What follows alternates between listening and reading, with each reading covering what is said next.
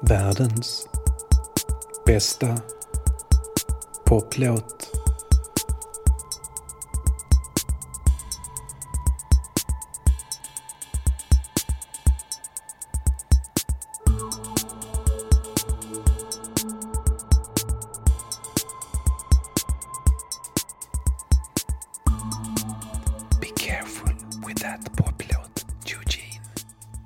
Tjabaluba! Det är dags för en hel massa nya världens bästa poplåt.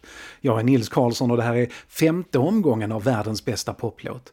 Vad betyder ens det där med omgångar och säsonger för den här podden? Väldigt lite om jag ska vara ärlig. Jag kör mest på med ett avsnitt i veckan förutom en veckas paus kring jul och två veckor på sommaren. Men podden har teman som lite grovt kan grupperas i säsonger. De första tio avsnitten handlade mycket spännande i mångt och mycket om att Nils lärde sig tekniken, hur man spelar in och klipper på ett vettigt sätt.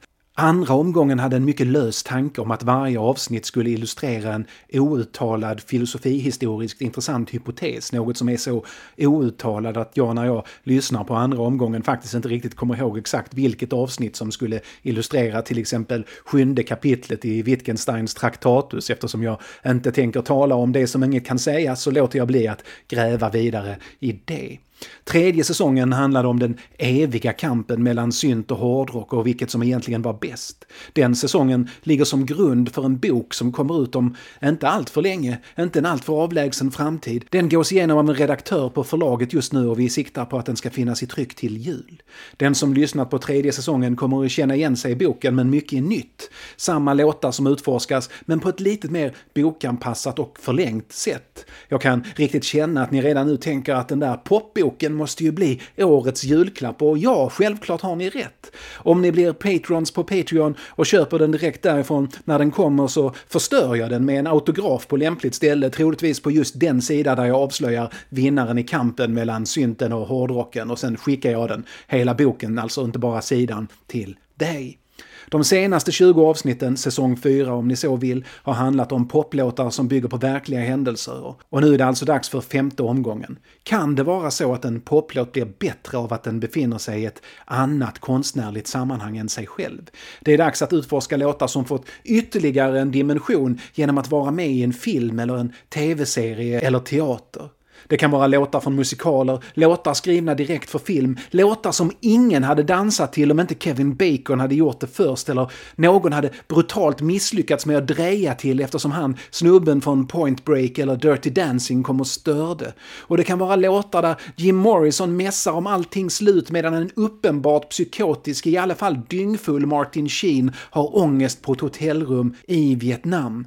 Där ska vi börja Fast i rymden, för världens bästa poplåt finns inte här utan för länge sedan i en galax långt, långt borta.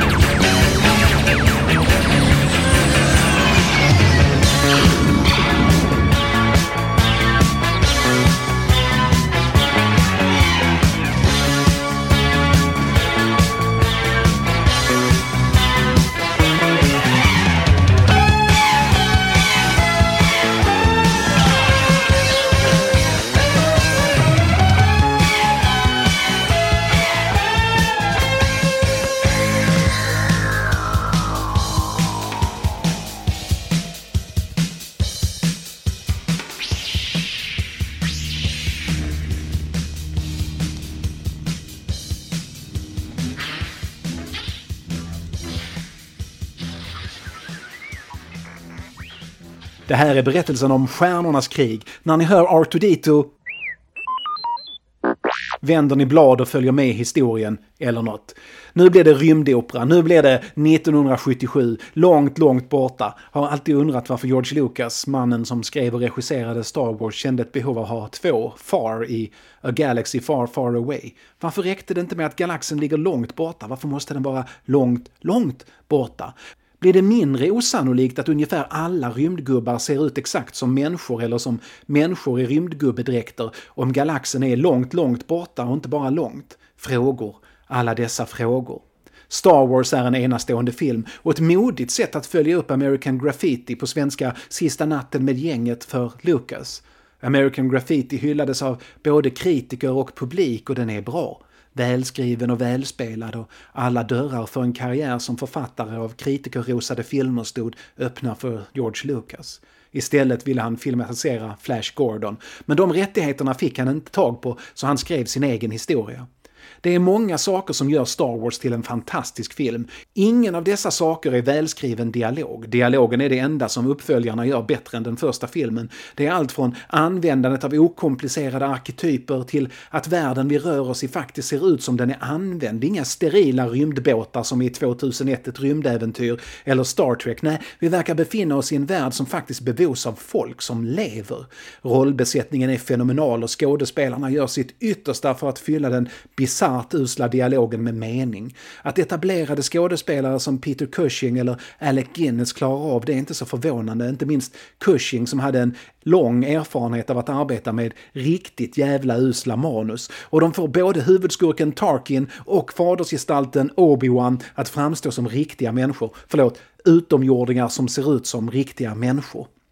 Resten av ensemblen var i stort sett okända skådespelare, men de är enastående hela bunten. Lucas höll auditions för Star Wars tillsammans med vännen Brian De Palma som höll på att rollbesätta filmatiseringen av Carrie. De hade samma fyra favoriter till sina respektive filmers huvudroller och förhandlade lite om vem som skulle få vem av de där skådespelarna, de där fyra. Brian De Palma hade bäst renommé trots American Graffiti så i slutändan var det han som bestämde att Lucas fick nöja sig med Mark Hamill och Carrie Fisher medan han själv själv la beslag på Cissi Spacek och John Travolta.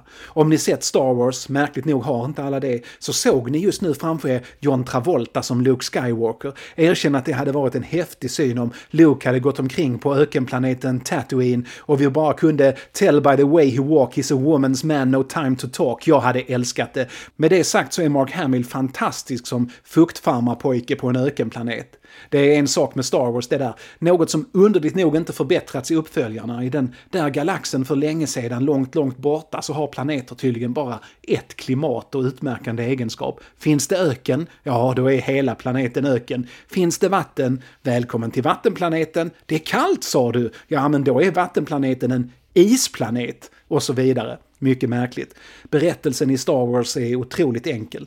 Luke är föräldralös och har växt upp på en diet bestående av blå mjölk tillsammans med sin farbror och faster. Men när han får reda på genom två homosexuella robotar designade för att likna Cybermen och Dalekar från Doctor Who, att en prinsessa behöver räddas av en Obi-Wan Kenobi ger han sig ut i öknen för att leta rätt på en vän till familjen, Ben Kenobi, för att se om det kanske är samma snubbe. Till vår stora överraskning visar det sig att Ben Kenobi är Obi-Wan Kenobi, något han avslöjar i första scenen han är med i, så mysteriet om Ben och Obi-Wan är samma person varar ungefär fyra minuter. I senare filmer får vi lite mer bakgrund till varför de bor i en öken och så, men här är det fortfarande härligt okomplicerat. Den komplicerade förklaringen är att Obi-Wan har gömt Luke från den onda kejsaren och hans lärling Darth Vader genom att inte byta namn och bosätta sig på Darth Vaders hemplanet. Ja, och Luke är Vaders son. Vader bytte namn från Skywalker i samband med att han tog anställning hos kejsaren. Sådana stolligheter behöver vi inte bry oss om i den här första fantastiska filmen. Obi-Wan berättar att han är en jedi-riddare, en sorts kosmisk buddhistmunk med svärd och förkärlek för att hugga armarna av folk och att Darth Vader dödade Lukes pappa. Det visar sig nämligen i senare filmer att Obi-Wan inte så mycket för att tala sanning utan säger saker som bara är sant metaforiskt. Fast det visste ju inte George Lucas när han skrev den där första filmen. Obi-Wan säger att de måste åka och rädda prinsessan, men Luke gnäller om att han inte kan rädda prinsessor för han måste farma fukt och dricka blå och mjölk. Fast det är ingen fara för när Luke kommer hem till gården så upptäcker han att det onda rymdimperiet dödat farbror och faster. Han gråter och skriker när han ser deras brända, mestadels förkolnade kroppar och sen kommer han raskt över det att personerna han växte upp med sedan han var ett spädbarn mördats och åker glatt med Obi-Wan till Mos Eisleys rymdflygplats för att hyra en rymdbåt för att åka och rädda prinsessan. Han tar med sig bögrobotarna för säkerhets skull. Mos Eisley är Star Wars när Star Wars är som bäst. Här får vi verkligen känslan av en bebodd värld och här träffar vi Han Solo, en sorts rymdversion av Clint Eastwoods Mannen utan namn från Sergio Leones dollartrilogi och han har en snabb rymdbåt, Millennium Falcon, som är så snabb att om den skulle springa till bussen så skulle den klara av att hinna dit på mindre än två kilometer. Scenerna inne på baren i Mos Eisley är helt och hållet enastående filmskapande. Lucas lyckas berätta mer på de där åtta minuterna än han gör i nästan hela den övriga filmen. Obi-Wan visar att han kan slåss med en laserpinne och hugga armarna av en valrossliknande person bara för att de, han var kompis med en bråkig full snubbe med misshandlad näsa. Man måste välja sina vänner. Vi får veta att robotar är diskriminerade och framförallt får vi veta allt vi behöver veta om den där Han Solo i en magnifik scen där han konfronteras av en delgivningsman som vill påminna om att han har en faktura som förfallit. Listigt smyger Solo fram sin laserpistol under bordet och skjuter kallblodigt ihjäl delgivningsmannen. Solo är en kille som inte väntar på att andra ska agera och han begriper att den som skjuter först också har störst chans att bli den som skjuter sist, vilket ju trots allt är det som räknas när det ska skjutas. I baren finns det givetvis en orkester som spelar glad jazzmusik. Det är ju den hetaste musiken i galaxer långt, långt borta. Och det är musik som John Williams, Hollywoods hetaste filmmusikkompositör, får kämpa med för att få till. Williams, som fått sitt stora genombrott några år tidigare med den genialiska musiken till Jaws, var fast rotad i klassisk musik och förstod inte alls vad George Lucas menade när han sa att han ville ha rymdjazz. Men rymdjazz blev det och på något sätt lämnade rymdjazzen den där scenen i filmen och seglade hela vägen upp på Billboards Hot 100s topp 10. Det här var före att man kunde återuppleva filmerna man sett på bio på video. Så att köpa skivan med musiken var ett sätt att komma i kontakt med de känslor man haft när man såg filmen. Och det är det den här omgången av världens bästa poplåt handlar om. Och musiken tar med sig den där känslan och får den att bli en del av sig själv och ger den en större mening. Nu blir det rymdjazz.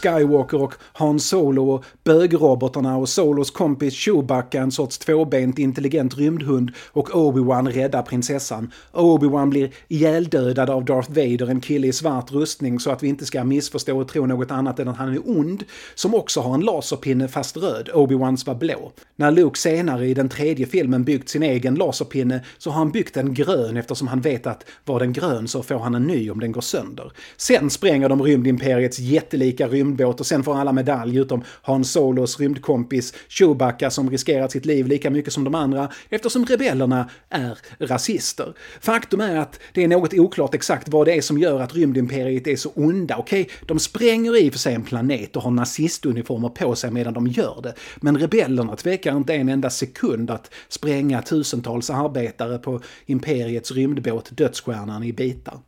Hur som helst, filmen blir en jättesuccé och hur ofta de än försöker med uppföljare efter uppföljare så har den inte överträffats. Uppföljare är ju sällan bättre än originalet. Först ut bland uppföljarna är The Empire Strikes Back, en tämligen meningslös historia om än snyggt filmad av regissören Irving Kershner. Dialogen är bättre men hjältarna gör egentligen ingenting i filmen för att föra handlingen framåt. Handlingen liksom händer våra huvudpersoner och de är passiva åskådare. Luke tränas till en jedi-riddare av en träskvarelse som heter Yoda. Empire kör samma fint som de körde med i ettan. Luke tror att Yoda inte kan vara Yoda men så avslöjar Yoda att han är Yoda nästan direkt. Det pussas mer i den här filmen. Harrison Ford som Han Solo gör en fantastisk rollprestation och han skjuter först så ofta han bara kan. Mest minnesvärt när han blir bjuden på en middag och ogillar de andra gästerna så mycket att han genast börjar skjuta på dem så snart dörren öppnas. Sen fryser man ner honom och så slutar filmen med att alla hjältarna har misslyckats på ett eller annat sätt.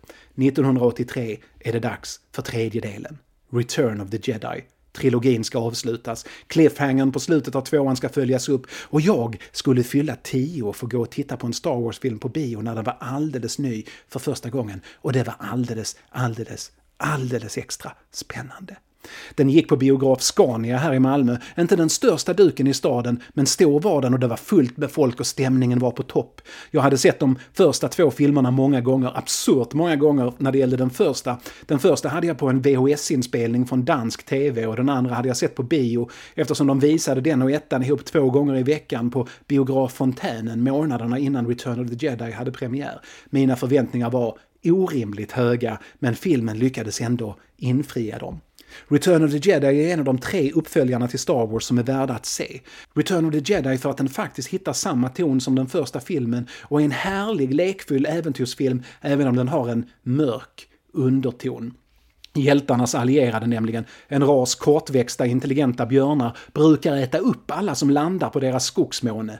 Filmen spelar det som ett skämt men de är sekunder från att grilla både Han Solo och Luke Skywalker över en öppen eld och det enda som kan rädda dem är att en av bögrobotarna låtsas att han är en gud men, men bögroboten kan inte låtsas att han är en gud för det är mot hans programmering men sekunderna senare kan han låtsas att han är en gud utan någon vidare förklaring och så slipper Solo och Skywalker bli uppätna. Senare när de firar att de besegrat rymdimperiet så har prinsessan Leia fått en klänning av rymdbjörnarna i människostorlek. En klänning som därför endast kan ha kommit från ett av deras tidigare offer. De andra uppföljarna värda att se är Rogue One, en film som tar ett helt nytt grepp och gör en trollfördömda män-liknande historia i Star Wars värld och The Last Jedi som gör det konstnärligt enda rimliga och ifrågasätter och dekonstruerar elementen i Star Wars och tvingar oss att betrakta vår barndoms hjältar på ett nytt sätt och ställer frågan som nästan ingen äventyrsfilm vågar ställa. Vad hände sen? Vad hände med dig som person efter att du blivit den stora hjälten? För ditt liv kan ju inte ha slutat med den där segerfesten. En otroligt bra film. Definitivt näst bäst i serien. Bara ettan är oslagbar. Men det är såklart helt enligt plan för The Last Jedi. Den enda av uppföljarna som faktiskt respekterar originalet fullt ut. Hur som helst, den bästa biten av Return of the Jedi är inledningen. Våra vänner ska rädda Han Solo och tina upp honom. Deras plan är att bege sig till den onda rymdskurken och gigantiska snigen Jabba the Hutt och hans palats där han förvarar den nedfrysta Han Solo. Hjältarnas plan är att en av dem, Lando Calrissian, ska gå dit utan förklädnad trots att han är välkänd och hänger där med den brokiga skara rymdslödder som håller till i tronrummet. En annan av hjältarna tinar upp Solo utan att ha någon plan för att fly, varefter Jabba klär henne, prinsessan Leia alltså, i en jätteliten guldbikini och håller henne kedjad i Star Wars absolut mest, eh, hur ska man säga, speciella scen. Jag ska inte kinkshamea Jabba, han har nog med problem. Ett av dessa är Luke Skywalker som dyker upp och ger bort sina två robotar som slavar. Oklart vad han har för syfte med det, men slavar blir de. Och sen slänger Jabba ner Luke i en håla där han måste slåss med ett monster och sen ska alla avrättas ute i öknen. De överlever. Otroliga scener. Jabba överlever ju såklart inte då. För att sätta tonen för Jabbas palats och stämningen där använder sig Lucas och Richard Markham, den senare regisserar, av musik. John Williams Star Wars-musik blev aldrig bättre än i Return of the Jedi. Allting klickar perfekt och alla känslor som ska förstärkas förstärks och allting sitter där det ska sitta. Han dirigerar The London Symphony Orchestra och den här gången ställer han krav på att de ska vara nyktra hela tiden. Det senare var ingen självklarhet för den orkestern. I Frank Zappas självbiografi The Real Frank Zappa Book beskriver Zappa hur han kämpar med den där orkestern när han ska spela in orkestrerade versioner av sina låtar.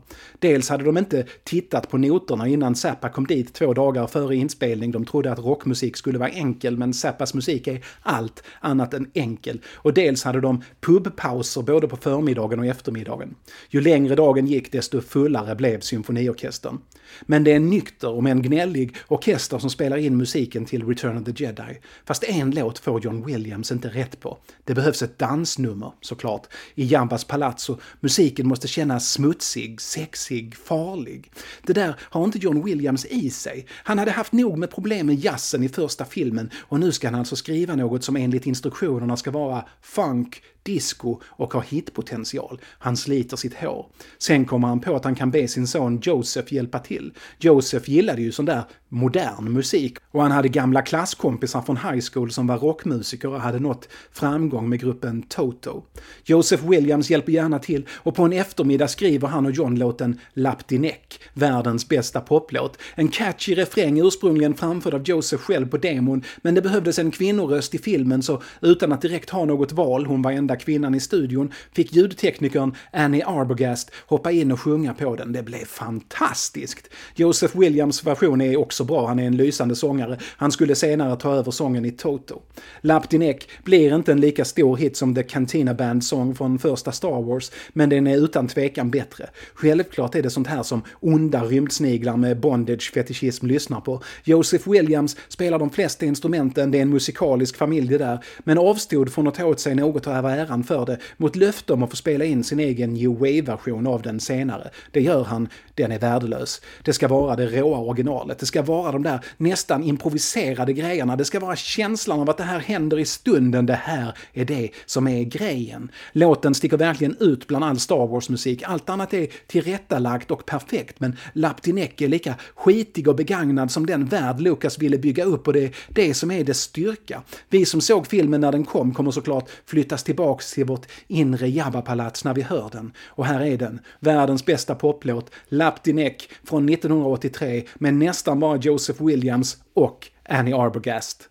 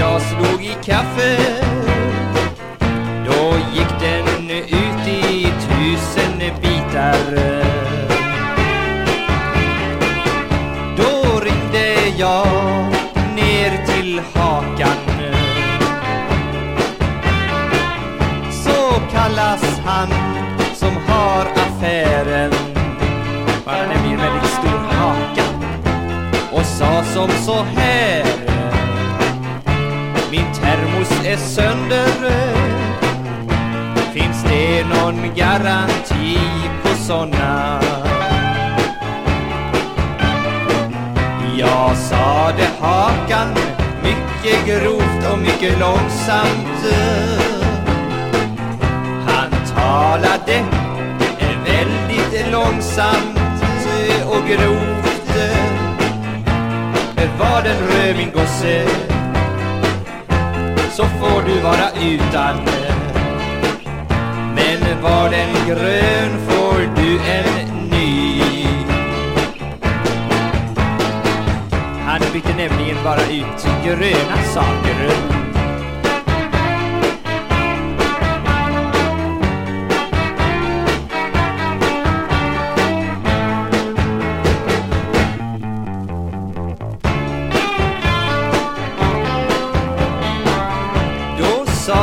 jag så här till Hakan. Jag känner stor sorg och försakan så att säga. Termosen var grön som sommarens gräs. Det var så poetiskt så han började gråta. Med röst sa han. Du får två nya termosar. Jag har några liggande här på lagret. Som jag har fått ut Försäkringspengar på. Och de är gröna båda två.